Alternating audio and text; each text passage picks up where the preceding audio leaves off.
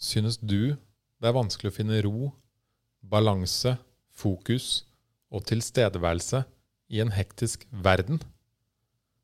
Er du egentlig i kontakt med det indre deg, det ekte deg selv? Vel, det finnes faktisk disipliner og praksiser der ute som i mange tusen år har prøvd å lære mennesker å håndtere disse utfordringene. Dette kalles yoga. Og jeg er helt utrolig glad for å ha med dagens gjest, en av Norges dyktigste yogalærere, Alexander Medin.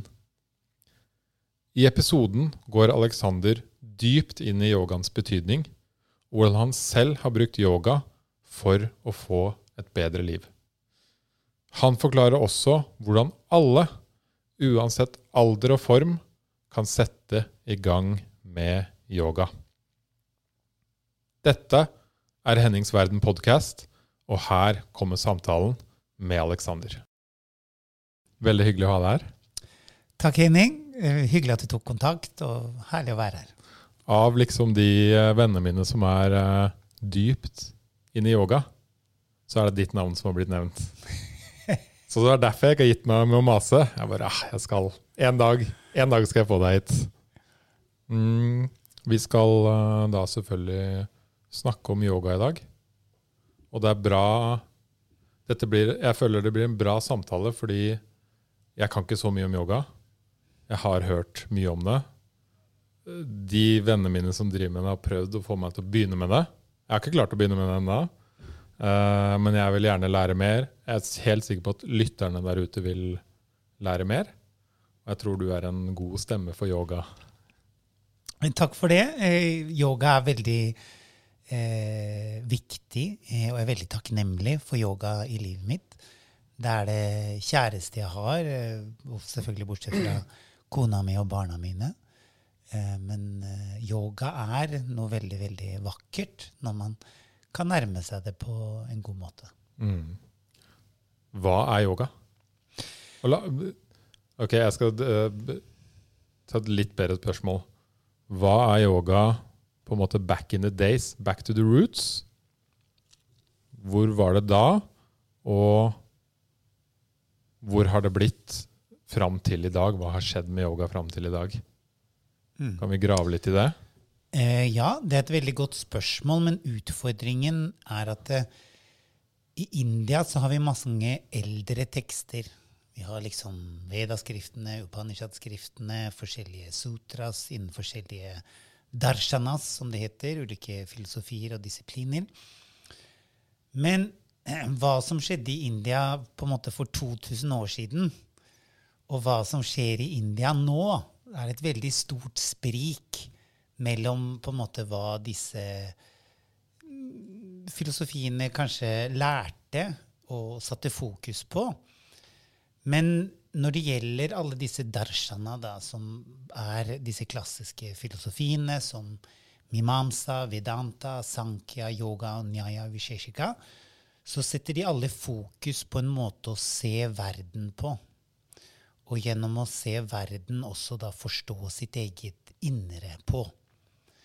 Og om vi på en måte setter fokus på sankhya og yogatradisjonen, som har blitt eh, populær i vår moderne tidsalder, så er egentlig den popkulturen av yoga som har skjedd gjennom på en måte den hysteriet rundt uh, sånn fitnesstrening som mange har blitt fanga i, det kommer jo fra på en måte den tidlige flørtingen med yoga som begynte på 50- og 60-tallet. Mm. Og så ser vi en popkultur av yoga som oppstår, eh, har oppstått de siste spesielt 20 årene eh, over hele verden. Men jeg våger å påstå at det, den typen av yoga vi gjør nå, og det vi kaller yoga i vår moderne tidsalder, er et ganske langt sprang fra hva de klassiske kildene eh, formidler yoga å være. Mm. Kan vi snakke litt mer om de klassiske kildene?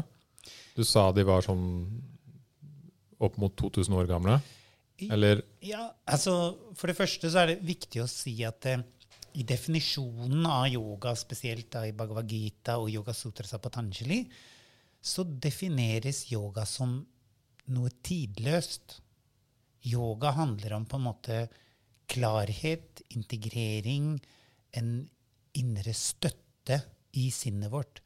Det innerste som ikke endrer seg når alt annet er flyktig, når alt annet før eller senere går i stykker og ender i en slags form for lidelse og død, så er på en måte Når yoga er som best, så er det en motvekt mot det. det er jo um, veldig vakkert.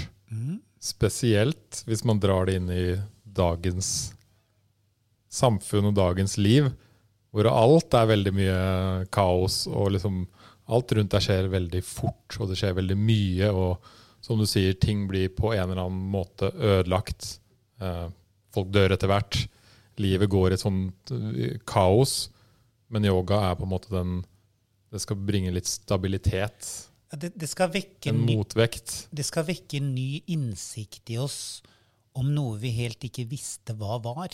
Vi har alle en overfladebevissthet om hvem vi tror vi er, og hva vi føler, og hva som er vår navn, vår utdannelse, vår eh, kulturelle ja, uh, utvikling osv. Men det yoga setter søkelys på, det er at det, det er frustrasjon, det er lidelse, og det er smerte i hverdagen for de fleste. Men yoga på en måte prøver å vise en vei ut av den lidelsen, ut av den frustrasjonen og ut av den smerten. Og hvordan vi lykkes med det, er jo da hvor nære vi kommer yoga. Det yoga er også veldig tydelig på at det, samsara, på en måte å være fanget i på en måte livets blendverk og livets eh, underholdning og drama, det er noe som skjer eh, alle, det. Det er på en måte utgangspunktet i hva det vil si å leve. Vi er fanga i et skuespill hvor vi ikke helt forstår vår egen rolle, vår identitet, og hva som er på en måte støtten i oss. da. Og Pga. det så fortsetter vi å generere lidelse på en måte, og smerte igjen og igjen, selv om vi blir rike og berømte og gjør karriere før eller senere. Så mister vi det vi har. Vi mister oss selv. Vi mister kroppen, sinnet, sansene, begrepene, tenna våre. Det går i stykker. Og, men det yoga setter søkelys på, er liksom hva er det indre? Den støtten i oss som ikke svikter når alt annet svikter. Når alt annet er i endring, hva er det innerste som ikke endrer seg, og støtter oss gjennom hele livet? Den støtten og nærheten til det er egentlig hva yoga handler om. Og så første eh, på en måte møte med yoga handler om å kjenne igjen på en måte det. Men så er neste steget er jo da å se våre iboende mønstre, det som driver oss, dynamikken vår. Og kjenne at vi har på en måte drivkrafter i oss. Og så handler yoga da om å på en måte kjenne igjen dette innerste som er annerledes enn alle våre begjær, forventninger og på en måte disse driverne i oss da, som, som gjør at vi på en måte finner vår plass i livet. Så på, på det høyeste stadiet av yoga handler egentlig om å bare erkjenne noe ikke-foranderlig, noe evig. Og det er tilgjengelig egentlig i alle kulturer, alle tidsaldre, for det er noe på en måte sånn urmenneskelige og en sånn urbevissthet, det innerste som bor i oss. Men hvordan det kommer til uttrykk, hvordan vi forstår det, hvordan vi integrerer det, er jo avhengig av eh, tidsalderen, kulturen, um, ja, um, språket, uttrykket vi befinner oss i. Men de eldre tekstene da, som er ca. 2000 år gamle, Patanjali definerte, hadde tre definisjoner av yoga. Yogas chitta og kriya-yoga og ashtanga-yoga. Eh, Og så har du da forskjellige definisjoner i Bhagavad Gita. Og jeg tror det er viktig at vi støtter oss på dem i vår moderne forståelse av yoga. For uten den går vi oss lett vill. Mm. Og da blir forståelsen vår av yoga mest fysiske begrensninger, eller på en måte en lengsel etter en perfekt fysisk form, og da blir vi til slutt veldig, veldig skuffa. Det som jeg liker veldig godt, som du forklarer dette med uh, at man går gjennom lidelse og forskjellige sånn uh, Hva skal man kalle det? Forskjellige etapper i livet med hull og vanskeligheter og lidelse og uh, utfordringer. Liksom, livet er ikke en konstant i forhold til det. Det er alltid opp og ned, ikke sant? Uh, det som er spennende med det, som du forteller, er jo at sånn var det også for 2000 år siden. Mm, Og akkurat. sånn kommer det til å være om 2000 år òg. Veldig bra. Mm. Selv om vi har fått masse ny teknologi og nå lever i byer. Nye problemer, nye utfordringer.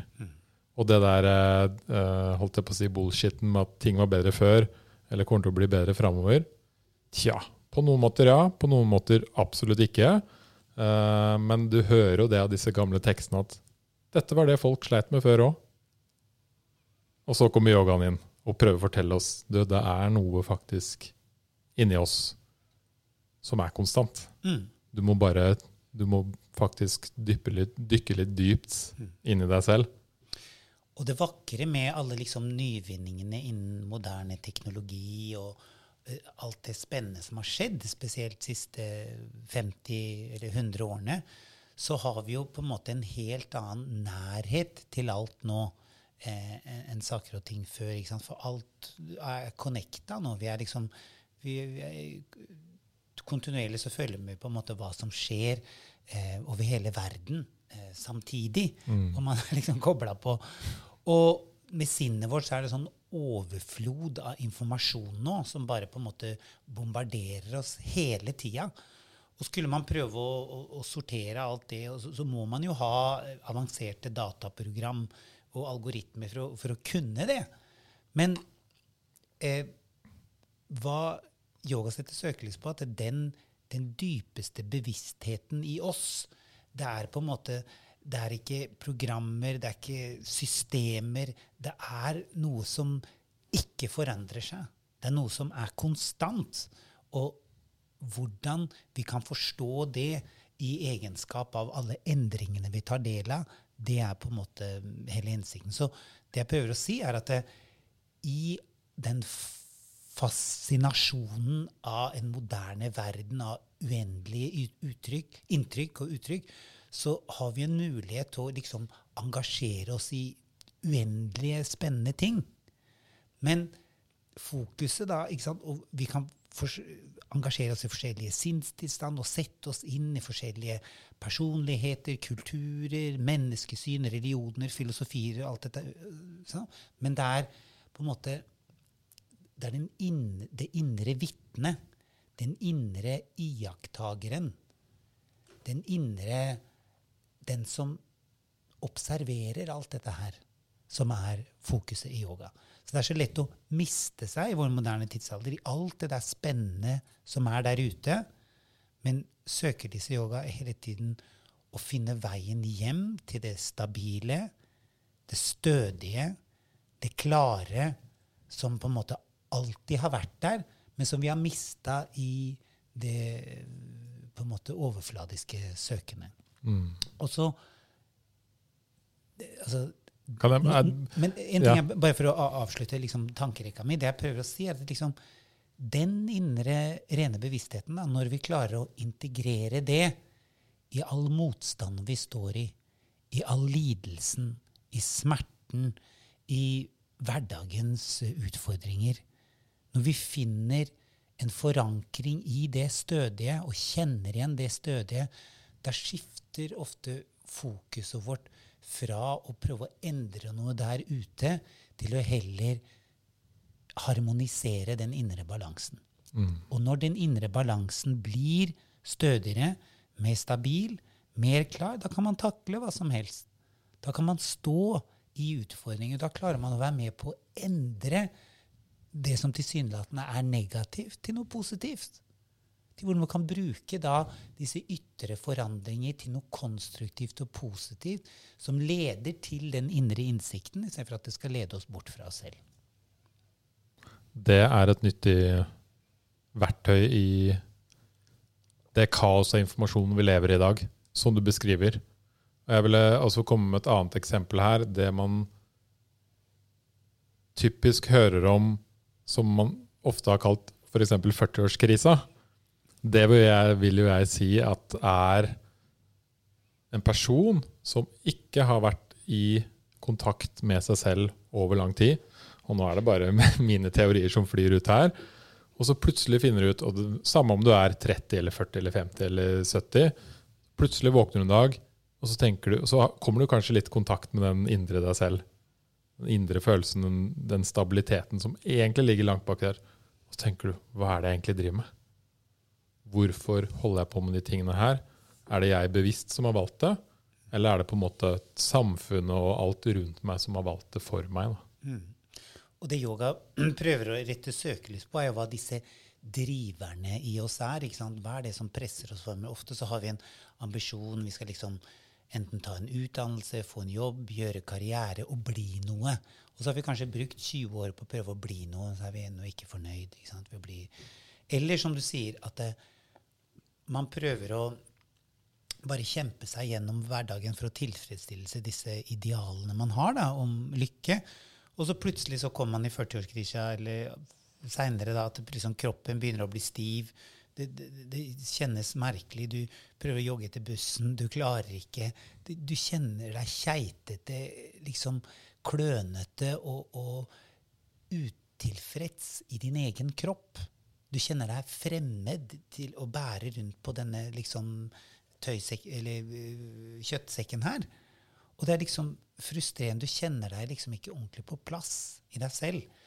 Og derfor tror jeg mange, liksom, når de da bikker 40 eller mer, at de liksom de får sånne raptuser at de må begynne å trene, de må komme i form, de skal realisere seg selv. Men man søker en mening, man søker en glede, man søker å finne et, kanskje et nytt fokus da, fordi man har gått seg litt vill. Og har man liksom gjort karriere, man har fått hus og barn og hytte og båt og alt det skal være, og så er man fortsatt ikke på plass. Og det er Der kan yoga være en bra greie. Det kan hjelpe oss å, å finne vei igjen hjem når vi har gått oss litt vill. Men yoga kan også bli en virkelighetsflykt, som alt mye annet. ja. Og drive det til vanvidd. Ja, for det er jo morsomt at du sier. Man, jeg har jo også opplevd på en måte den de bekjente av meg som har blitt litt, litt for lost. Og har litt for lost i, i, yoga. I yoga ja. og mista kontakten. Jeg har vært der litt sjøl, Ja, ikke sant? Og mista litt kontakten med verden og hvordan verden faktisk funker i dag. ikke sant? Mm. Som jeg sa før vi begynte podkasten her, så er det sånn uh, Vi bor jo ikke i India. Og systemet her funker på en annen måte. ikke sant? Dagen funker på en annen måte. Vi har vinter. Uh, du kan ikke leve helt India, yoga, lifestyle her i Norge ofte. Og det er ikke alltid så lett å leve full on yoga-livsstil her i Norge. Hva tenker du om det? Eh, det å være lost ja, i noe? Eh, jeg tenker det å være lost i noe er noe som kjennetegner eh, på en måte alle interesser man har i livet. Man kan miste seg selv i musikk i studier, i hobbyer, og yoga, som kan være akkurat en sånn bare særinteresse. Um, men um, hvordan Yoga er jo Altså, i, i, India Det er viktig å si at det, når yoga er som best, så handler det om handlingskraft i hverdagen, tilstedeværelse, fokus i det man gjør.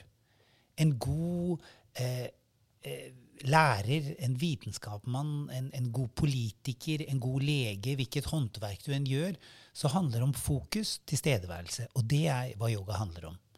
Fokus og tilstedeværelse. Problemet med moderne yogatradisjoner er at man blir så opphengt i en sånn selvrealisering. Man drømmer etter en slags opplysning. Man drømmer om etter å, å finne seg sjøl. Men man finner jo seg sjøl gjennom motstand, utfordringer. Mm. Det å lære seg noe nytt, det koster litt blod, svett og tårer iblant. det. Og det glemmer man ofte i den moderne yogatradisjonen. Så man drar til et yoga-ashram eller eh, melder seg på noe kurs eller liksom slutter med alt, og så begynner man på en måte å bare rendyrke yoga. Så havner man kanskje i et vakuum og får en pause fra det som har forstyrra. Men det er ikke nødvendigvis at man kanskje blir mer fokusert eller sentrert. Man får bare en sånn midlertidig pause fra livets utfordringer. Ja, for da kan det jo være at man heller løper bort fra utfordringene sine.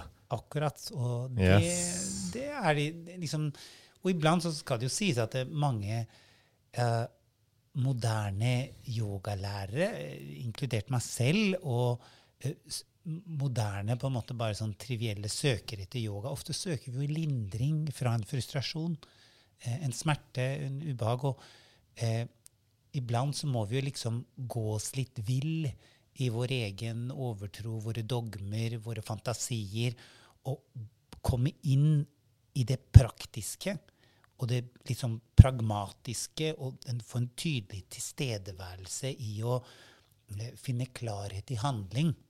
Og det er når vi begynner å utvikles og eh, forbedres i yoga. Men første møte med yoga kan være på en måte en slags sånn flørting med en sinnsro man ikke har opplevd, altså man bare vil ha mer av det, vil man pakke seg inn i eh, fancy yogaklær og fine yogamatter og legge seg ned og dra på yogaferier for å bare liksom få påfyll, og det trenger vi jo i hverdagen. Mm, Men absolutt. når yoga, altså i hvert fall mitt perspektiv og mine tanker, er at det, når yoga er som best, så handler det om å stå i utfordringer eh, og lære seg å finne klarhet og en stødighet i det. Når du står i utfordringer i yoga, så blir det lettere å stå i det livet. Ja, Er det riktig? det det er jo selve øvelsen. Med, Ja. yogaøvelsene skal jo hjelpe oss å takle livet litt bedre om eh, hovedmålet vårt med yoga blir bare å kunne gjøre fine yogaposisjoner, så blir vi til slutt veldig eh, deppa. For, for veldig senere så eh, svinner de hen. Men flotte yogaposisjoner og den energien, den kraften som det gir, er noe fantastisk. Og det, det er noe som løfter oss som mennesker, og kan være veldig bra i perioder å gå skikkelig i dybden av det. Men det vi lærer gjennom yogaøvelser, pusteteknikker eller forskjellige meditasjonsøvelser, selve hensikten med det er at det skal styrke oss i livet. Fordi yoga er livet, det. Og det er ikke bare øvelsene vi gjør. Det er på en måte bare Wow. Ja. wow. Bra. Du har sagt fokus, og la oss ta fokus først. Jeg har lest noen bøker om fokus i det siste, eh, og hvordan man kan få fokus tilbake i livet. For det er noe vi har begynt å miste i den moderne verden. De mener at vi mister det, altså forskere og sånn, fordi, litt som vi snakka om i stad, vi blir hyperinformert og bombardert av ting hele tiden. Og alle eh, kjemper om din oppmerksomhet. Oppmerksomhet og tid. Oppmerksomhet og din tid er verdt penger, ikke sant? Så alle kjemper om den hele tiden. Så, og jeg merker det jo selv. Ikke sant? Det er sånn man, man, folk, altså meg og folk klarer jo nesten ikke å lese en artikkel lenger ikke sant? før du går videre og klikker like, og så sjekker du neste ting, og så hopper du videre. Og så, eh, hvordan kan yoga hjelpe med den delen? Fordi fokus er noe jeg er sikker på at vi, vi, vi må reclaime tilbake i den moderne verden. Mm.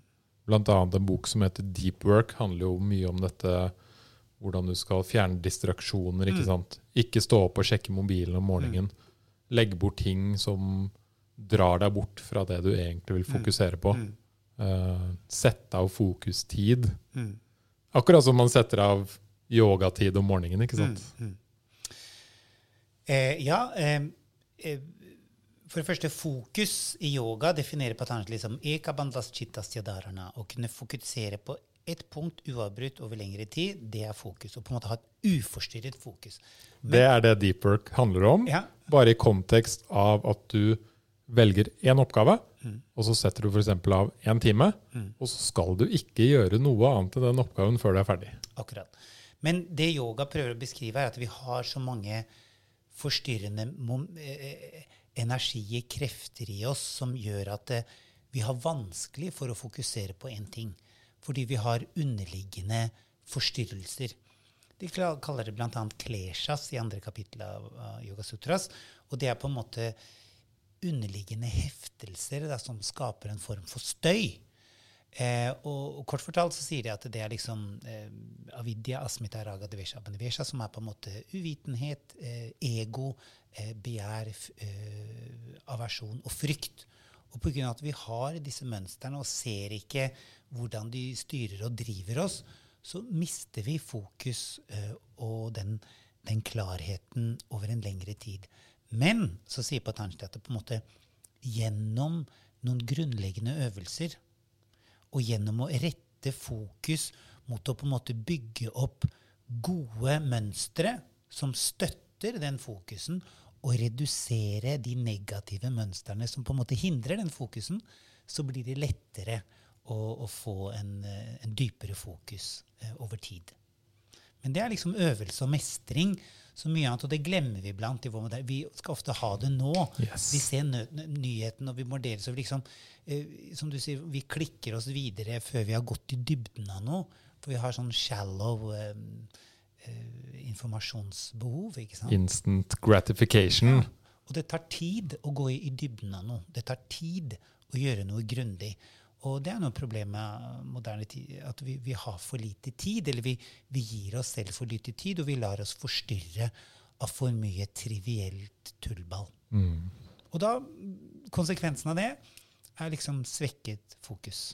Absolutt. Det var gøy. Jeg tok meg selv i det i fjor en gang, hvor eh, en kompis av meg, eller en, en eller annen kar på Facebook, delte en artikkel som også skrev noe som Er det ingen her som klarer å lese ferdig hele denne artikkelen og skrive en god kommentar? Og den handla om hvordan sosiale medier stjeler all din oppmerksomhet. Hvilke kraftige, kraftige supermaskiner som står og liksom bruker taktikker hele tiden for å fange deg. Og jeg klarte ikke å lese ferdig artikkelen før jeg hadde gått videre. Jeg måtte switche og sjekke mail eller noe. ja, ja, så plutselig var det borte. Yes, Og så bare faen, jeg klarte det ikke. Jeg gikk tilbake, og så leste jeg den ferdig. Og så kommenterte jeg akkurat det som skjedde da, og da lo hun godt. Og han sa det er sikkert mange andre som ikke har turt å kommentere her, fordi det skjedde akkurat det samme. Og så Ok, det var fokus. Det er veldig gøy at du beskriver en del av det samme som står i den boka. Det er gøy. Men det vakre Altså, Patanjali og det, det, det vakre med yoga er jo at det er, som vi diskuterte innledningsvis, det, det er noe tidløst. Og de slet med akkurat det samme om hva det vil si å være menneske, å finne tilstedeværelse, klarhet, handlingskraft i hverdagen for 2000 år siden, som de gjør nå, og hva de vil gjøre om 5000 år. Vi, det å eksistere er, å, er et samspill mellom kropp og sinn og denne dypereliggende bevisstheten, da, som de kaller selve, eller purusha. Og, og det livet er en øvelse å nærme seg det. Så det er mye man kan lykkes med i livet, og, og man har mange ideer og tanker om hva det vil si å gjøre karriere og være vellykka og alt sånt her. Men det yoga retter søkelys på, da, som er det viktigste av alt, er å, liksom, å finne veien hjem og, og, og lande i seg selv og, og finne ro og forståelse i sitt eget sinn. Og da ikke miste sitt eget sinn, som vi dessverre iblant gjør når vi ja, blir forvirra eller psykotiske eller fortvila, eller bare at, at sinnet vårt blir mer og mer defekt. Ja, det er, det, det er veldig gøy at man sleit med det samme før som nå. Og som vi sa, man kommer til å slite med det i framtiden også. Uansett hvor mye teknologi som kommer. Og, og, og derfor er det liksom interessant at du, det du har sett på gjennom den boka, det er på en måte det, det tidløse mm, perspektivet av yoga. At liksom å, å, å gå i dybden av noe og finne fokus, det er vanskelig. Det har man slitt med til alle tider. Men det kan utfordringene kan reduseres, og man kan styrke det fokuset gjennom visse øvelser, og da også kunne møte de forstyrrelsene vi lett fanges i, og se de, rydde opp i de, og på en måte nøytralisere de, og prøve å gå videre og støtte opp under de mønstrene, de driverne i oss som fremmer klarhet og innsikt. Mm. Nå ble jeg interessert. Hvordan har din yogareise vært? Hvordan har, har du hatt kamper underveis? Og fra du liksom begynte, hvor lang tid tok det før du begynte å komme i kontakt med det du snakker om nå? Fokus, tilstedeværelse. Mm. Hvor, hvor, mye må man hvor mye må man mm. hoppe i det for å faktisk komme litt dypt inn i yoga? da? Jeg, jeg tror det er individuelt fra person til person. Liksom hva som ligger latent, hvor våken vi er, hvilken bevissthet vi er osv. Men eh, jeg var ganske jeg, jeg var veldig rastløs, litt forstyrra eh, og litt skada som person eh, av forskjellige saker og ting. Gjennom litt sånn traumer eh, fra barndommen. Eh, aggressiv oppførsel i ungdomsårene. Kanskje forvrengte eh, illusjoner og sånn senere i, tidlig voksen alder. Eh, så for meg var møtet med yoga først en sånn fascinasjon kun rundt det fysiske. Og en sånn velvære feel good-faktor jeg fikk av bare trene yoga. Så jeg ønska å fordype meg i det. Men så var jeg så heldig at jeg også hadde privilegium å kunne studere sanskrit og lære meg litt sånn klassisk indisk filosofi som retter søkelys akkurat på disse ting. Men så er det sånn når man studerer noe i begynnelsen, så er det jo bare informasjon. Men hvor lang tid tar det før man gjør den informasjonen til noe praktisk og bruker den eh, konstruktivt i hverdagen? I begynnelsen jeg vil si at de første 15-20 årene jeg studerte yoga, så var det bare begreper. Men senere 15-20 år. Ja, altså. de, eller kanskje første ti, da. Men de siste, de siste liksom fem-ti årene så har jeg kjent at jeg begynte å lande litt mer da, og få en litt sånn dypere forståelse av yoga istedenfor å bare øve seg og trene seg og prøve å bevise noe eller være noen, så handler det om å slappe av med livet. Det handler om å romme og finne en klarhet, en tilstedeværelse i det man møter i sitt eget sinn, og det man møter fra andre og i, på en måte i nærhet til verden. Eh, alt fra arbeidssituasjoner til menneskelige møter. Og å finne en sånn integrert ro i de møtene. Da kjenner jeg at jeg har kommet mye nærmere yoga. Og alle de yogaøvelsene jeg har gjort, og de forskjellige disiplinene og asketiske øvelsene og alt sånt her, det har selvfølgelig det har vært veldig spennende. Det har gitt meg kick, det har gitt meg styrke, det har gitt meg innsikt, det har gitt meg fokus. Men det er veldig lett å fanges i bare øvelsene og glemme å leve. Og yoga begynner først å modnes, og liksom juicen av yoga løsner i oss når vi lærer oss å slappe av. Mm. Når vi slutter å mase og kjase og kjempe så mye. Når vi slapper av med livet og kan finne ro og tilstedeværelse i det, det som faktisk er. Og, og, og, velger da å finne en ro og fokus som er egentlig tilgjengelig hele tiden, og ikke forstyrres i alt det der eh, trivielle. Da blir blir i hvert fall min opplevelse av yoga blitt mye sterkere og mer berikende. Jeg har jo flere bekjente og venner som har holdt på med yoga lenge. Og jeg har jo sett en, noe av den reisen du snakker om, på dem i livet. Hvor de har starta, og så har de blitt forelska og kanskje litt avhengig av det i begynnelsen. Så har de vært en tur i Mysore. Og så har de dratt med seg den praksisen, Mysore-stilen, hjem til Norge og bare slitt seg helt ut. ja, Ikke sant? Jo, det, det, er eh, Dessverre så er eh, på en måte den dynamiske, energiske, intense praksisen som ashtanga-yoga er, og spesielt Mysore-style. Eh, det krever en disiplin, guts og styrke. Og det krever ikke minst at man lærer seg å prioritere bort eh, spesielt dårlige vaner. Det handler om man må legge seg i tid, stå opp til tid og på en måte ja, lære å restituere seg alt dette her. Og det er vanskelig å få til i en hektisk hverdag, og ikke minst med familie og alt mulig. Det, det krever sant, annet fokus. Og det er mange som har på en måte Hva skal man si? Ødelagt det vanlige livet sitt pga. en for intens yogapraksis. Mm. Fordi jeg, jeg, skjønner jo det, Jeg har jo hørt historier. ikke sant? De har vært i Mysore, og så har de stått opp 3.45 eller noe. De tidligste Jeg husker ikke hva de sa. Jeg. Ja, ja, de, Første klasse pleide å begynne klokka fire. Ikke ja. sant? Da har de stått opp tre, da, for de mm. måtte ha liksom en time å våkne på. eller noe. Uh, den er ikke så lett å dra inn her i Norge midt på vinteren, kanskje, når du, når du skal på jobb etterpå. Og det, det, som du sier, da må du tilpasse veldig mye.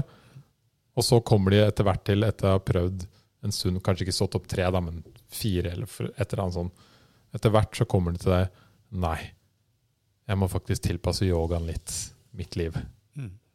Jeg må gjøre noen endringer.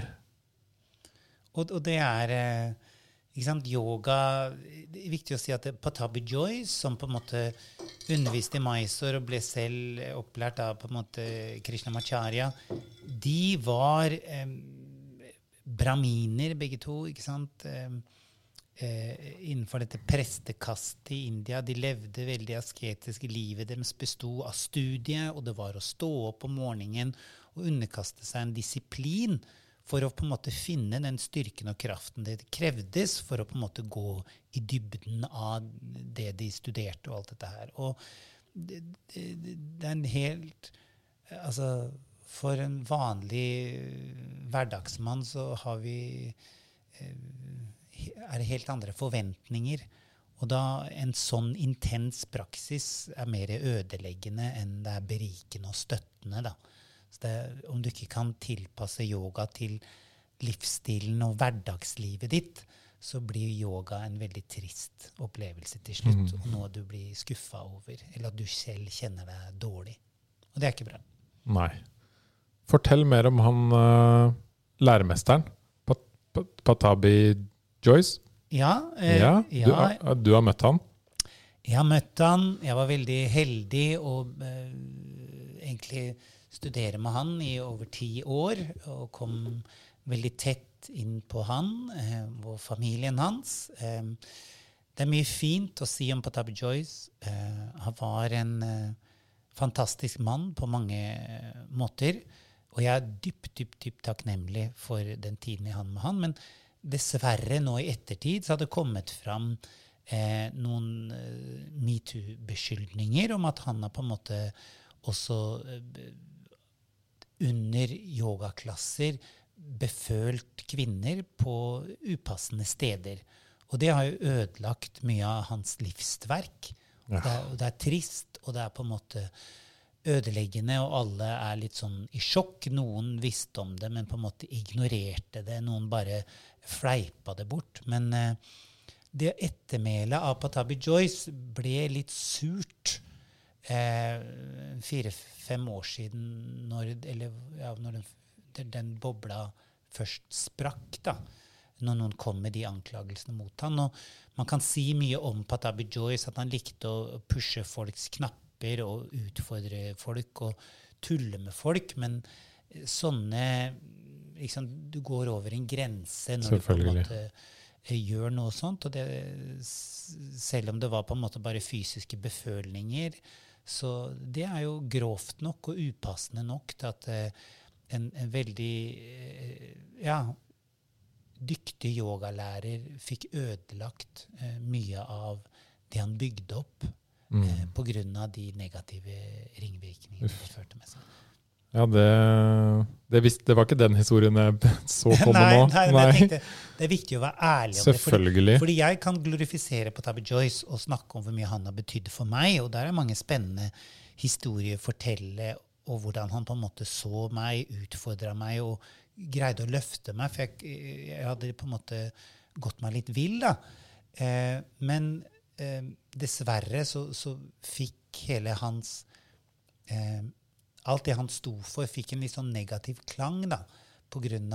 alle de anklagelsene som kom eh, for noen år siden. Og det, mm. det har berørt alle i hele Ashtanga-tradisjonen dypt. Alle har selvfølgelig blitt veldig skuff... Eh, ja, bare lei seg over det. Noen er fortsatt i fornektelse og, og tror ikke på det. Men det er liksom Det sier også liksom om liksom, uh, I en sånn rolle som Patabi Joyce hadde, da, så er det veldig lett å gå seg vill eh, og fanges i en slags litt sånn ære, makt, berømmelse.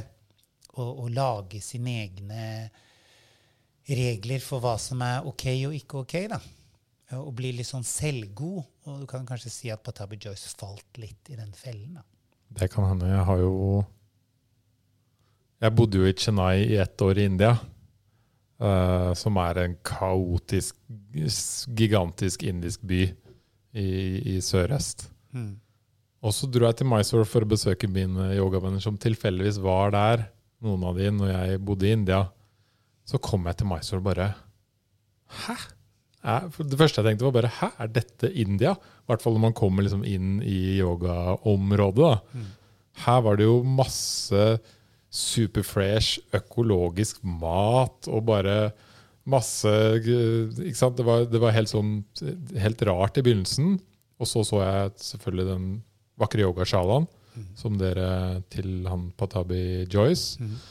Og så fikk jeg møtt masse hyggelige yogafolk. Eller jeg så bare på utsiden, jeg fikk ikke lov til å komme inn og se. uh, men det er Det jeg merka der, er jo bare sånn hvor annerledes de inderne som bodde, altså levde der, bodde, f.eks. Mm. De bodde jo i, para, i paradis i India. ikke sant? Som Beverly Hills India. Skikkelig Beverly Hills. Jeg, jeg hadde aldri sett noe lignende. Nei. Og det er konsekvens av på en måte pengene og makten. Hele, hele det området rundt eh, Patabi Joyce, hans nye sjala, var jo på en måte et sånt eh, eh vestkantområde. Eh, relativt eh, med indiansk standard. Men det har jo alle de pengene Patabi Joyce har generert, og businessen rundt det, har jo gitt mange mennesker ekstra penger og levebrød og alt mulig sånn, så det har ja, spilt over på, på, mange. Da. Men India er jo et land av kontraster. ikke sant? Veldig. Du finner de fattigste av de fattige og de rikeste av de rike. Eh, og de mest ekstreme legninger, tolkninger, tradisjoner, filosofier, religioner. Og det er dette som er det vakre med India òg, for det er, det er så mange kontraster. Eh, men eh, Jeg sier ikke nødvendigvis at det var feil. Mm. Det var bare så stor kontrast å komme dit. Mm. Og samtidig selvfølgelig se masse hvite folk mm. tusle rundt i sandaler. Og ikke bare masse hvite folk, men masse veldig godt trente, vakre hvite folk. Jeg bare wow! Nå er jeg et annet sted i India, merker jeg. Spesielt om du har reist litt rundt i, i altså, India har jo moderne byer med først, Majoriteten av mange indere bor jo fortsatt i landsbyen. ikke mm. sant? Og den, det India er veldig veldig annerledes fra det moderne India man ser i, i byene. da. Jeg har vært ute på tur i India. Mm. så det Og det, det, er noe vakkert når du kommer ut av byene og får føle på det. Du føler en bedre connection med naturen. Men også hvor utrolig hyggelige folk er der ute. Mm. Egentlig er de det i hele India, men du får enda mer connecta med det utenfor byene. Mm. Har folk bedre tid, og de, de inviterer ofte inn på mat. og men inderne har også en entusiasme mm. mot en nysgjerrighet ikke sant, som man mister kanskje litt i en moderne tid hvor man har sett for mye på TV og kjeda seg litt. Da. Men i India så har de en nysgjerrighet som jeg syns er veldig vakker, til livet, til andre mennesker. og møter mellom mennesker. Da. Og et, eh, en nysgjerrighet til øyeblikket. Eh, en undring som man iblant eh, mister da, i ja, mm. hverdagens mas. Vi snakka jo litt om dette med penger. Og det gjorde vi også før vi starta podkasten. Og jeg sa jo, jeg, jeg, jo, jeg jobber jo med teknofestivaler og konserter fordi vi drev babla litt før vi starta podkasten i stad. Så sa jeg jeg lurer på om det er litt det samme i yogaverden. At penger er litt sånn fy-fy-ord og ting å snakke om. For det er det i hvert fall i teknoverden. Der er det liksom Nei, det, det, skal vi ikke snakke så høyt om. Mm. Penger og tekno de hører liksom ikke så mye sammen. Mm. Hvordan, uh, hvordan, er penger i yogaverden? Eh, penger, det er eh, Det må vel alle si at det er, det er godt å ha. Det er veldig trygt å ha. Men det kan bli en forbannelse om man lar de styre det. ikke sant? Og så er det sånn i alle tradisjoner hvor man har, eller kulturer, eh, vitenskap, hvor man har noen som har en dypere forståelse eller har en viss innsikt om noe, da, som viser seg å være eh, stabil og en kunnskap som er verdifull, så har jo det en, en tyngde og en verdi som genererer noe positivt. Um, utfordringen med yoga er jo at det er veldig nytt ikke sant, i, i verden. Og det dypeste med yoga kan jo aldri, aldri selges for penger. Det liksom, altså det er nytt i vår vestlige verden, er det det du mente? Ja. ja. Og det jeg mener at det, når noe er så nytt, så, og når vår begrensede forståelse av det er så grunn, så er det jo da de som kommer og har litt mer erfaring, og da setter seg opp som yogalærere eller veiledere og, og begynner å kanskje tjene penger og få sitt levebrød på det her, ikke sant? som kan jo være veldig fint. Men om forståelsen er litt grunn, eh, og søken etter penger blir mer enn ønsken å gå i dybden av ting, da er det jo klart at det blir eh, konflikter. Og litt sånn har det jo sikkert vært i moderne yogaverden. Fordi man, man ser at noen kommer inn og har lært seg lite grann og starter yogastudier og tradisjoner og begynner å tjene penger og alt dette her. Og så er det sjalusi og folk som stiller spørsmål rundt dybden og forståelsen og alt dette her. Og det, det er naturlig, tror jeg, eh, menneskets eh, eh, ja, irritasjon over at andre lykkes bedre enn dem selv, istedenfor å kanskje glede seg på deres vegne når det er noe reelt bra, og når, når folk gjør noe grundig og dyktig. Men det skal også ærlig sies at uh, i India så er det et ordtak som sier liksom når penga går opp, og når pengen, på en måte inntekten blir for stor, da går forståelsen av yoga litt ned.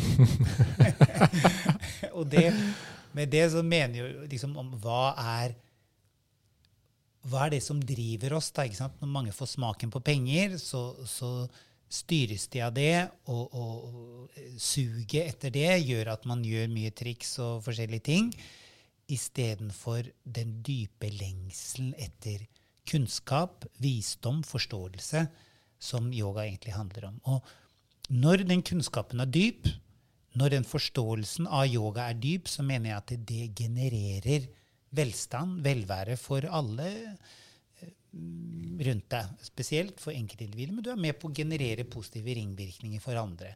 Og det er en verdi, det er en kraft som eh, er noe positivt og konstruktivt. Og kan det være med på at noen eh, tjener penger til livets opphold, og alt mulig sånn her, så er det noe veldig, veldig fint. Helt enig. Eh, men når det misbrukes, eh, og alle de pengene kanskje brukes for realisering av meg, mitt og mine, istedenfor å gi det videre og være med på å skape eh, velvære for, ja, for, for de du møter, eller eh, være med på å, å, å, gi den velstanden eller rikdom du har bygget opp, gi andre sjanser. Da, Det tror jeg liksom om den bare brukes på egoistiske motiv, så, så går man seg til syvende og sist vill og, og, taper Klarer kanskje å beholde pengene en viss tid, men mister da noe av dybden, forståelsen av yoga. Og da en, har pengene blitt en forbannelse som har på en måte tatt over den, den klarheten, den inspirasjonen, den kilden av visdom som egentlig var den opprinnelige drivkraften til at du, du skaffet deg en verdi som yogalærer. Eller som teknomusiker. Når man slutter å lage musikk for nysgjerrige utforskningen av harmoni og lyder og forskjellig sånt, og heller gjør det for å spekulere i hvordan man kan få eh, så mye penger som mulig, da blir det, tror jeg, veldig kjedelig og trist Absolutt. musikk til slutt. Og det er eh, Jeg tror man kan trekke paralleller til det du sier, innenfor alt. Mm. Alle sektorer og innenfor alle ting man må på en måte mestre litt, eller å bruke tid på. Og det er jo også et problem i dag, er at folk innser ofte ikke at det tar tid. Du kan ikke liksom bare titte innom 20 dagers yogakurs, og så starter du et yogafirma, og så skal du tjene masse penger. Da kommer det til å som du sier, gå utover kvaliteten. Det, det er noe det liksom rakner på. Folk kommer til å skjønne etter hvert at du er kanskje liksom ikke akkurat det jeg trodde du var innenfor yoga. Du, du klarer ikke å lære meg noe dypere enn akkurat de liksom stillingene her. Det er et eller annet som mangler. Eh, samme er du innenfor tekno, som du sa. Hvis du lager teknofestival med fokus på kvalitet, ikke nødvendigvis mest mulig mennesker, men bra mennesker med riktig god energi og sørge for at alle har det bra, kontra det å bare lage den størst mulig festival, mest mulig lyd og lys, mest mulig fulle folk, så går det til slutt utover liksom, som du sier, du sitter kanskje igjen med mye penger. Du kan klare å hacke systemet, sitte igjen med mye penger, men vil de pengene gi deg glede? Ikke nødvendigvis. Ja, det er mange som har prøvd da, å Det bli det. Det lykkelig gjennom å på en måte bare skaffe seg penger. Men det, blir, det kan være veldig god, et godt det er som bensin du fyller på bilen, som en god venn av meg en gang sa. Men eh, penger liksom i seg selv eh, blir bare noe som kan tynge oss og ødelegge oss, som blir en forbannelse om vi ikke bruker de på rett måte og er med på å skape ja, synergieffekter for andre. Da. Dette ordet spirituelt, hva betyr det for deg? Oh, det er et veldig utslitt åndelighet, tenker du på? Ja, Men, spirituelt, åndelighet. ja, eh, åndelig. Jeg tror det, liksom, i vår sekulære samfunn så har vi mista det litt. Ja. Eh, og jeg tror noen av grunnene til at yoga har blitt så populært også, er fordi at vi har liksom mista kontakten med det åndelige. Vi har mista kontakten og nærheten til noe større enn oss selv. Eh, og det er ikke, ikke sant, i, eh, når vi mist, altså, Det er vanskelig å definere og forstå det som ikke kan forklares. Ikke sant? Og det er mye vi ikke kan forstå, eh, og som vi, vi alltid undrer oss over. Men liksom i vitenskapens høyalder så skal vi liksom forstå allting og kunne forklare allting. Og det har gjort at det på en måte det å åpne seg eller være lyhør for noe større enn oss selv, noe mer enn bare meg, mitt og mine, der har vi gått oss litt vill, tror jeg. Så mm, om, om jeg skulle prøve å definere åndelighet eller spiritualitet, så for meg er det det som løfter oss som mennesker. Det som hjelper oss å, å, å forstå en klarhet, en, eh, en urkraft, en, eh, en fokus, eh, en tilstedeværelse av liv som på en måte ja, eh, beriker og foredler eh, og raffinerer oss eh, som mennesker. Og jeg tror at det i På grunn av det sekulære samfunnet vi lever i, så har det vi har mista det litt. Og jeg tror derfor så søker man transer kanskje gjennom teknomusikk, rave party, eh, utsvevende ting. Eh, ja, eh, spesielle sånne subkulturer. For man, vi søker en tilhørighet til noe som gir mening, da. Og så prøver vi forskjellige saker og ting til vi, vi finner det som er eh, ja, meningsfullt, og som treffer litt blink. Og jeg tror at det, det dypeste i oss er åndelig. Det er en spiritualitet. Og det sier jeg på en måte uten snev av på en måte ja, um, arroganse eller en sånn Jeg sier det bare fordi jeg tror, og fordi jeg føler at det, min erfaring av å bare prøve å følge mine behov, min begrensede forståelse, det har ført meg på så mange villspor i livet. Eh, og det har gjort at jeg iblant har liksom eh, gått meg vill. Men når jeg er mer lyhør og tuner inn til hva det vil si å gjøre rett og være god og prøve å være moralsk og etisk skikkelig på alle plan, da, da, løftes jeg, og da er det noe i meg som foredler. Så jeg tror på at det er noen universelle prinsipper som er helt like for alle. Og det er noe mer enn bare den fysiske materien av kjedereaksjoner som vi er fanget i. Og, og når vi kommer nærmere den hva skal man si, åndeligheten, eh, det, det rene, uforstyrrede, som yoga kaller eh, eh ja, purusha, eller ursjelen, urbevisstheten, da, da, da finner vi en forankring, en stødighet, og kjenner at vi er noe mer enn bare definisjonene av meg, mitt og mine, og alt det jeg, jeg på en måte tror på eller har innbilt meg å være. Og oppdagelsen av det, å kjenne at vi, selv om vi ikke kan definere hva åndelighet er, så tror jeg på en måte menneskets søken gjennom religioner og filosofier er menneskets søken etter eh, seg selv. da å finne det der innerste. Og det, det tror jeg er iboende i oss alle. Og det innerste kan også ofte beskrives som sjel? Ja, men det gir en begrensning så fort vi definerer det som sjel. Liksom, mm. Hvordan er sjel, og hvordan så, så, Men i, i, mangel på et bedre begrep så, så, vil jeg kalle det en slags en urkraft, en uforandret bevissthet og ikke en flyktig, rastløs, eh, foranderlig bevissthet som er vår normale operative sinnstilstand. Jeg liker at du sier det at åndelighet handler mye om å se inn og finne seg selv, fordi jeg tror mange tenker på det som å se ut. Hva er liksom det store der ute? Utenfor meg selv. Mm. Mens dine tanker rundt det er å se inn.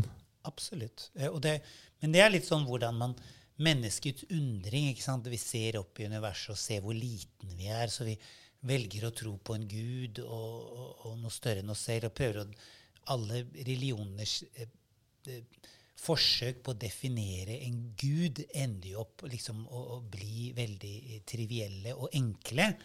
Så jeg støtter meg veldig til på en måte noen av de indiske definisjonene, da, og på en måte definere det guddommelige som noe stort og ekspansivt, og noe på en måte alt uh, om, omsluttende, men som er på en måte umulig å definere i på en måte tid og rom og navn og form. For det bare er. Um, men det vakre er at det, den kraften mener de, fordi den eksisterer i alt, så eksisterer den også i alle mennesker. I individet.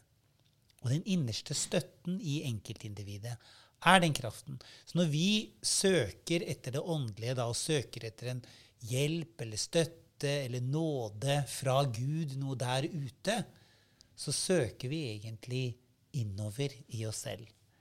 Um, og når man klarer å vende da fokus fra de dogmatiske begrepene som uh, ofte uh, blir som en slags uh, litt sånn tvangstrøye eller veiledende støtte i forskjellige religioner, og kan kjenne på at det, det guddommelige, den kraften, det åndelige, er egentlig det innerste i meg.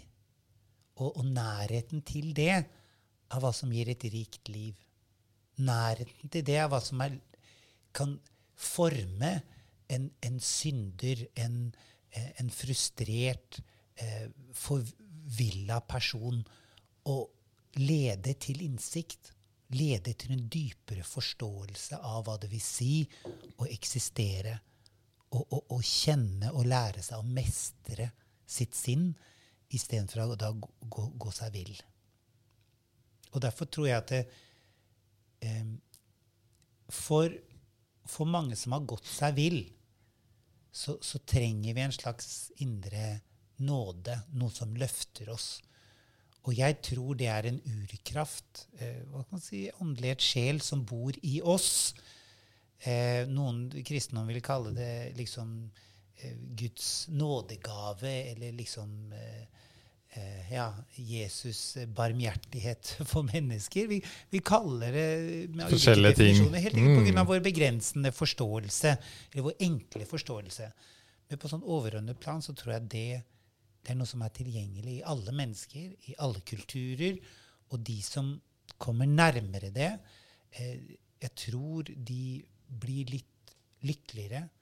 Litt eh, de, de, kjenner på en, en, støtte og en velvære, en glede. Fordi jeg tror nærheten til det er glede. Og det er en slags stabil visdom da, som er enklere å finne ro i det kaoset eh, som kan være livet. Og nærheten til det er også hva som hjelper oss å finne det uforstyrrede fokuset i møte med verden. Mm. Jeg hadde en uh, lege her som jobber med ketaminbehandling. Og behandling med psykedelika. Mm -hmm. Jeg har jobbet lenge med det her i Oslo. Og han sa at det pasienter sier de har fått mest igjen for, det er når de hadde en uforklarlig opplevelse. Noe som de ikke kunne forklare, noe som var liksom utenfor sin måte å snakke og beskrive ting på. Akkurat. For da fikk liksom Da fikk de en ny type tanke litt om livet og hvordan man lever, og det var liksom Det var kanskje noe åndelig. Mm. Noe litt ubeskrivelig. Jeg ble, disk, jeg ble liksom hevet litt ut av min mm vanlig rytme. Litt bort av hvordan livet mitt funker i dag. En ny opplevelse av seg selv, helt enkelt. Eller mm. av livet og det å eksistere. Mm. Så det, det minte meg egentlig mye om det du sa, skjønner du. Er jo en form for ketaminbehandling? ja, det er eh, i uh, hvert fall en, tror jeg, en form for behandling. Og, og det som er uh, spennende med det her, er jo at uh, nå har jeg hatt noen som har snakka om psykedelika, og så har jeg snakka med noen som har vært på flere som har vært på sånn tidagers uh, silent retreat, sånn, mm. hvor du ikke snakker eller får noe Ytterligere stimuli. Mm. Ikke noe stimuli. Mm. Også yoga. Uh, og alt det her er jo ting som har eksistert i tusenvis av år. Verktøy ikke sant, mm. som man bruker på forskjellige måter. Men jeg syns det er en likhet i det mange, mye av det dere sier. Mm. Nå handler jo yoga litt mer om på en måte det repeterende, litt mer disiplin. Men mye av det du forklarer, kommer ut av det. Mm. Er det samme? Mm. Jo, all, all liksom Målet med yoga er jo på en måte litt sånn som veien, å finne klarhet på veien. Fordi destinasjonen, den på en måte endrer seg litt sånn hele tiden, og konturene av det endrer seg i henhold til ja, eh, stadier du er i livet og alt mulig sånn. Men eh, det fine med en disiplin, da, det er at det kan hjelpe deg å foredle og få en ny eh, forståelse av deg selv. Eh, utfordringen når, med om du en disiplin eller øvelser brukes på feil måte, så blir det på en måte en tvangstrøye. Og på en måte det, det, det, det begrenser oss, og vi på en måte vi definerer oss kanskje gjennom disiplinen og øvelsene vi gjør, men vi har ikke forstått egentlig resultatene av hvordan det, det endrer oss. Ehm, så jeg, jeg tror at alle menneskes Altså, folk er forskjellige. Folk trekkes til forskjellige ting. Vi er skrudd sammen på finurlige måter. Og mm. noen finner glede gjennom musikk. Andre gjør det liksom gjennom filosofier, andre gjennom praktiske øvelser. Men til syvende og sist så handler det liksom om hvordan vi, vi, vi, vi forstår og kommer nærmere det, innerste i oss selv. da.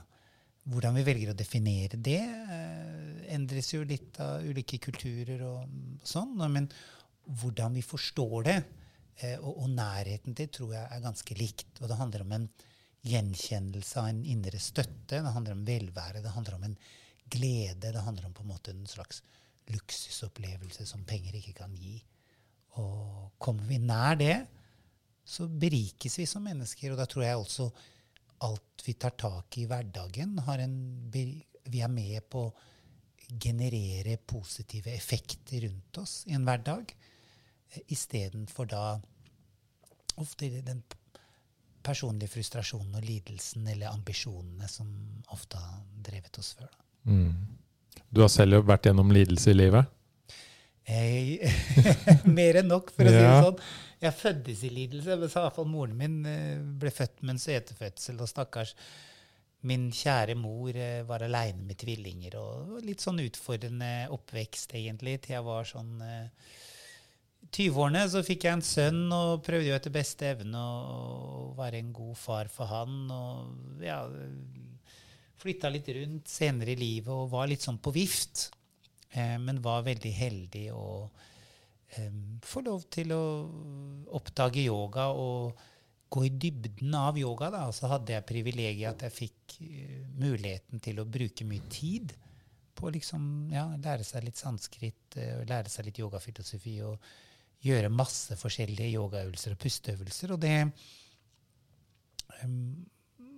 ble på en måte over tid også det jeg hadde muligheten til å jobbe med, da, eh, og, og skape et slags levebrød av. Men det var ikke sånn at jeg tenkte at å, jeg skal bli yogalærer, og jeg skal eh, Det var bare, bare en sånn Til slutt så kunne jeg ikke gjøre noe annet. Jeg, det var det eneste jeg kunne, så da måtte man begynne å dele med seg av de erfaringene man hadde. Jeg har hørt om gang gangsteryoga. Det må du for, jeg, skal, jeg har to spørsmål igjen, egentlig. Først, fortell meg om gangsteryoga.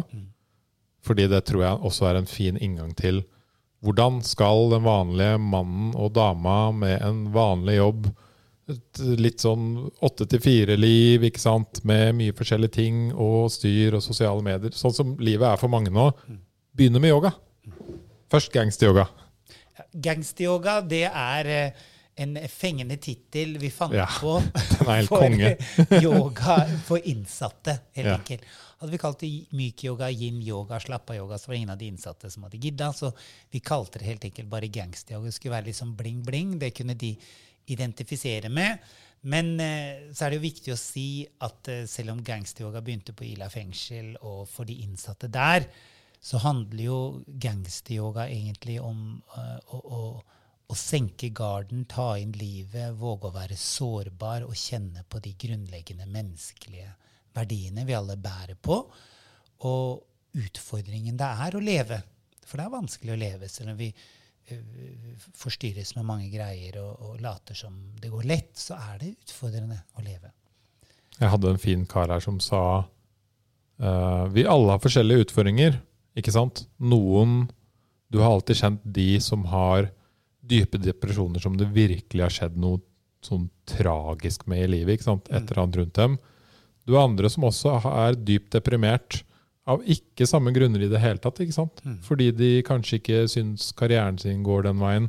Og man kan egentlig ikke eh, si at en type depresjon eller en type Det er ikke noen nivåer på det. Fordi alle oss mennesker er forskjellige. Mm. Og alle oss eh, mennesker eh, oppfatter f.eks. depresjon forskjellig, og kan bli det av forskjellige ting. Og ikke sant, som du sier, det å da kunne være sårbar og åpne opp dette, som du har drevet med gangsteryoga, det er jo veldig vakkert. Spesielt når du da sikkert har begynt med ganske sånn hardbarka karer. Ja.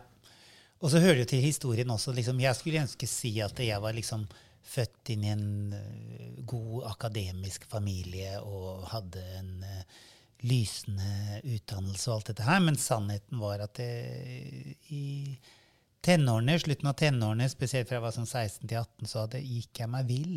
Jeg holdt på med mye kriminalitet og rus sjøl, og på en måte det fikk litt sånn eh, destruktive konsekvenser, og det endte opp med litt tid i fengsel og alt sånt her. Så jeg hadde, jeg liksom opp, hadde opplevd hvordan det var å sitte i fengsel og, og gå seg liksom vill, og den hjelpeløsheten man kjenner på, selv om man bør være tøff og spille litt sånn kul og sånt. Så når du sitter alene på cella, så kjenner du deg ganske liten. Um, så når jeg flytta tilbake til Norge, så hadde jeg lyst til å gi noe tilbake til samfunnet.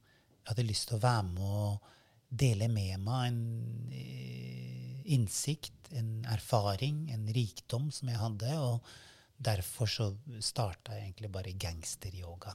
Eh, men jeg var jo en vanlig yogalærer på en måte før det. men gangsteryoga har også ført med seg mye bra, da.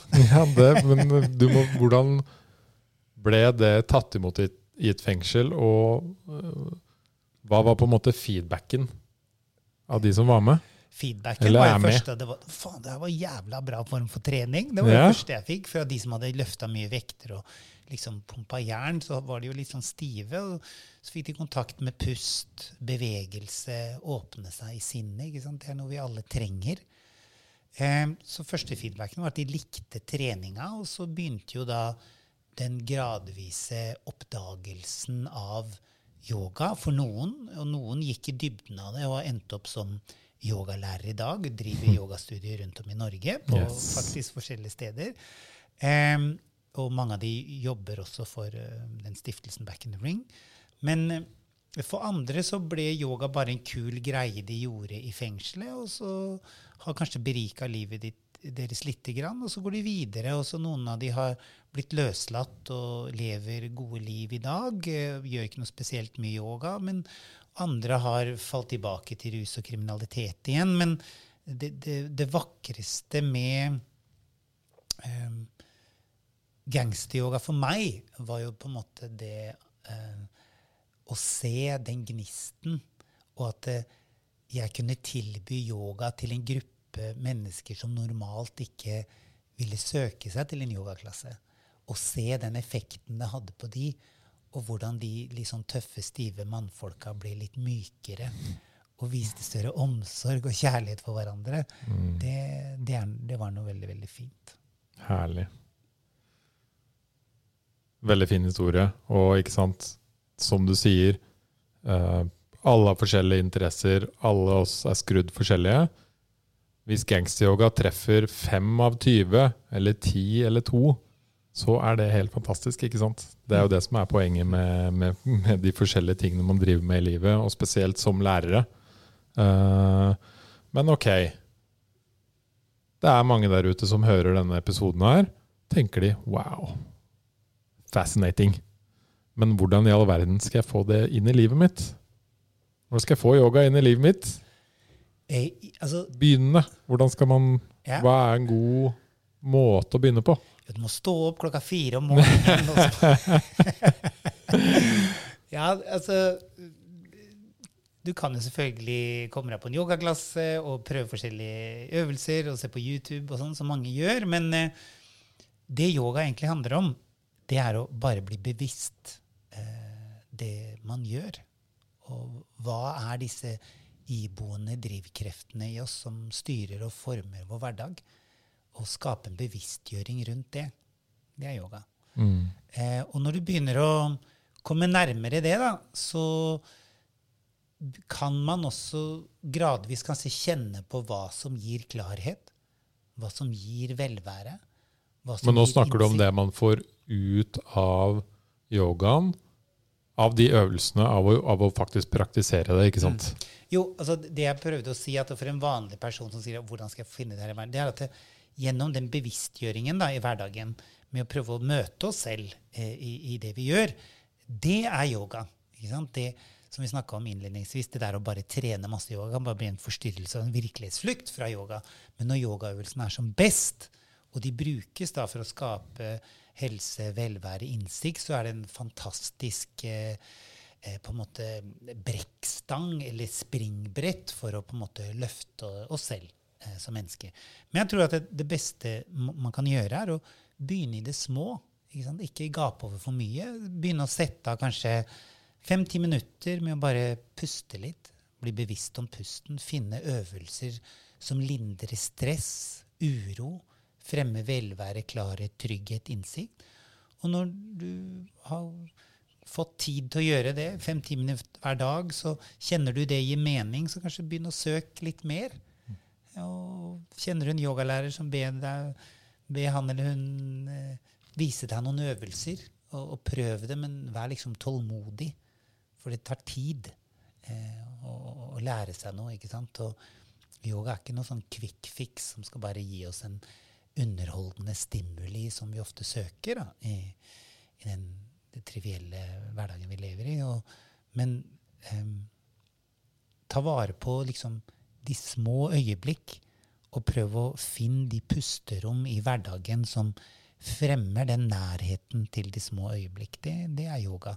Og da blir istedenfor å oppleve en fragmentarisk eksistens av bare på en måte masse rastløse øyeblikk i et kaos, så kan man begynne å liksom eie de små øyeblikkene og ekspandere det inn i et rikere, større liv, hvor, hvor hverdagen blir en integrert eh, glede og en oase av, av velvære istedenfor eh, disse fragmentariske øyeblikk vi, vi, vi opplever. Og da blir det en sånn integrert eh, nærhet til noe, noe kjært. Noe som, som, vekker oss, som gir mening, som fremmer glede, innsikt og harmoni, velvære. Og det er godt å ha i hverdagen. Det, det, trenger vi. Det er viktig å ha. Men det er viktig å si at liksom yoga handler ikke om alle disse øvelsene og disiplinene og det ekstreme. Det handler om nærheten til de små øyeblikk. Nærheten til det enkle og det uforstyrrede fokuset vi klarer å fremme i de små ting vi holder på med her og nå. Fantastisk. Og det, det er, som du sier, som med mye annet, start forsiktig og rolig med fem-ti minutter. Mm. Når du begynner å mestre det, så kan du gå videre. Og hva skjer da? Da får du små holdt jeg på å si, wins og lærdommer i hverdagen, istedenfor å føle at du taper ikke sant, og sliter deg ut. Mm. Og det beste eksempelet på det Jeg veit hun venninnen min kommer til å høre på det her, så det er morsomt. Uh, hun venninnen min som har mast mest på at jeg skal begynne på yoga, jeg sa greit, jeg kommer til deg, og så gjør vi litt yoga, så kan du lære meg. Hun tok meg med på en og en halv times ashtanga-yoga. Uff a meg, brutal. ja, den var hardcore. Hun bare 'Du er jo ganske myk, vi gønner på'. Og etter den så var det bare sånn OK. Ja. Jeg, måtte, jeg var helt ødelagt etterpå. Jeg måtte ringe en bare den, Det der, det var sinnssyk trening. Uh, jeg, vet, jeg lærte ingenting av det. Uh, kan ikke du gi meg noe på fem minutter? Hun bare 'Henning, sorry, jeg burde ha tenkt meg om. Bare begynn å ta solhilsen. Gjør det hver morgen. Så kan vi snakkes snart. Og det var sånn på Tabby Joyce underviste i Mysore, nybegynnere som kom. Ofte så brukte han en uke på å bare lære de solhilsene. Mange kom, kjente yogalærere, kom og ville, trodde de var dyktige og ville vente å få på en måte så mye ut av de pengene de hadde betalt, så mye, ikke sant? så mye avkastning som mulig. Men han holdt de på en måte bare lot de gjøre ti minutter med Solvik. Sånn, OK, nå kan du gå. Kom tilbake til i morgen. Wow. De hadde håpa de skulle tjene to timer med han hver dag. ikke sant? Men å få det der grunnleggende på plass Innenfor denne tradisjonen så er liksom sollysene mye konstruktivt og bra med seg. Men det sollysene prøver å fremme, er liksom en balanse i kropp og sinn. En dypere nærhet til pust og bevegelse. Å finne ro i utfordringer. Og kjenne på motpolene vi fanges av. Det er eh, det gode med sollilsener, at det kan uh, åpne litt opp i det. Mm. Uh, så det er veldig lett å, å, å, tro at man må gjøre så mye når man ønsker å liksom begynne med yoga. Eh, men da, som du sikkert fikk kjenne på, da blir det litt overkill. Det blir for mye. Det gjør at det blir fremmed, det virker for langsøkt. Så derfor å, å begynne med det enkle, gjøre litt forsiktig hver dag bevege seg med museskritt, det er på en måte den beste veien å gå. Og det er sånn man også mestrer det meste av andre ting i livet. Akkurat. Mm. Vet du hva? Tusen takk for at du kom hit i dag og delte dine fantastiske, nesten poetiske eh, ord om yoga. Dine tanker rundt det, Aleksander. Eh, hvis folk vil søke på deg eller finne ut hvor du er i dag, hvor du er yogalærer, hvor, hvor finnes du på internett? Eh, jeg har ikke noe egen hjemmeside, men eh, jeg, tilfeldigheten har hatt det sånn at jeg eier og driver av et yoga- og fjellhotell som heter Yes. Nøsen. Yes. Eh, så der eh, fins jeg. Eh, underviser jeg og driver det. Og så driver jeg en stiftelse som heter Back in the Ring. Og så har jeg også undervist på Puro Yoga i Oslo. Og der er jeg nå i helgen og underviser et kurs. Og det kan jeg anbefale til alle som bor i Oslo. Puro Yoga er et fint sted å være, men det er også mange andre flotte, gode yogastudier rundt om i Oslo. Mm. Herlig. Tusen takk for besøket. Takk. Hyggelig å være her.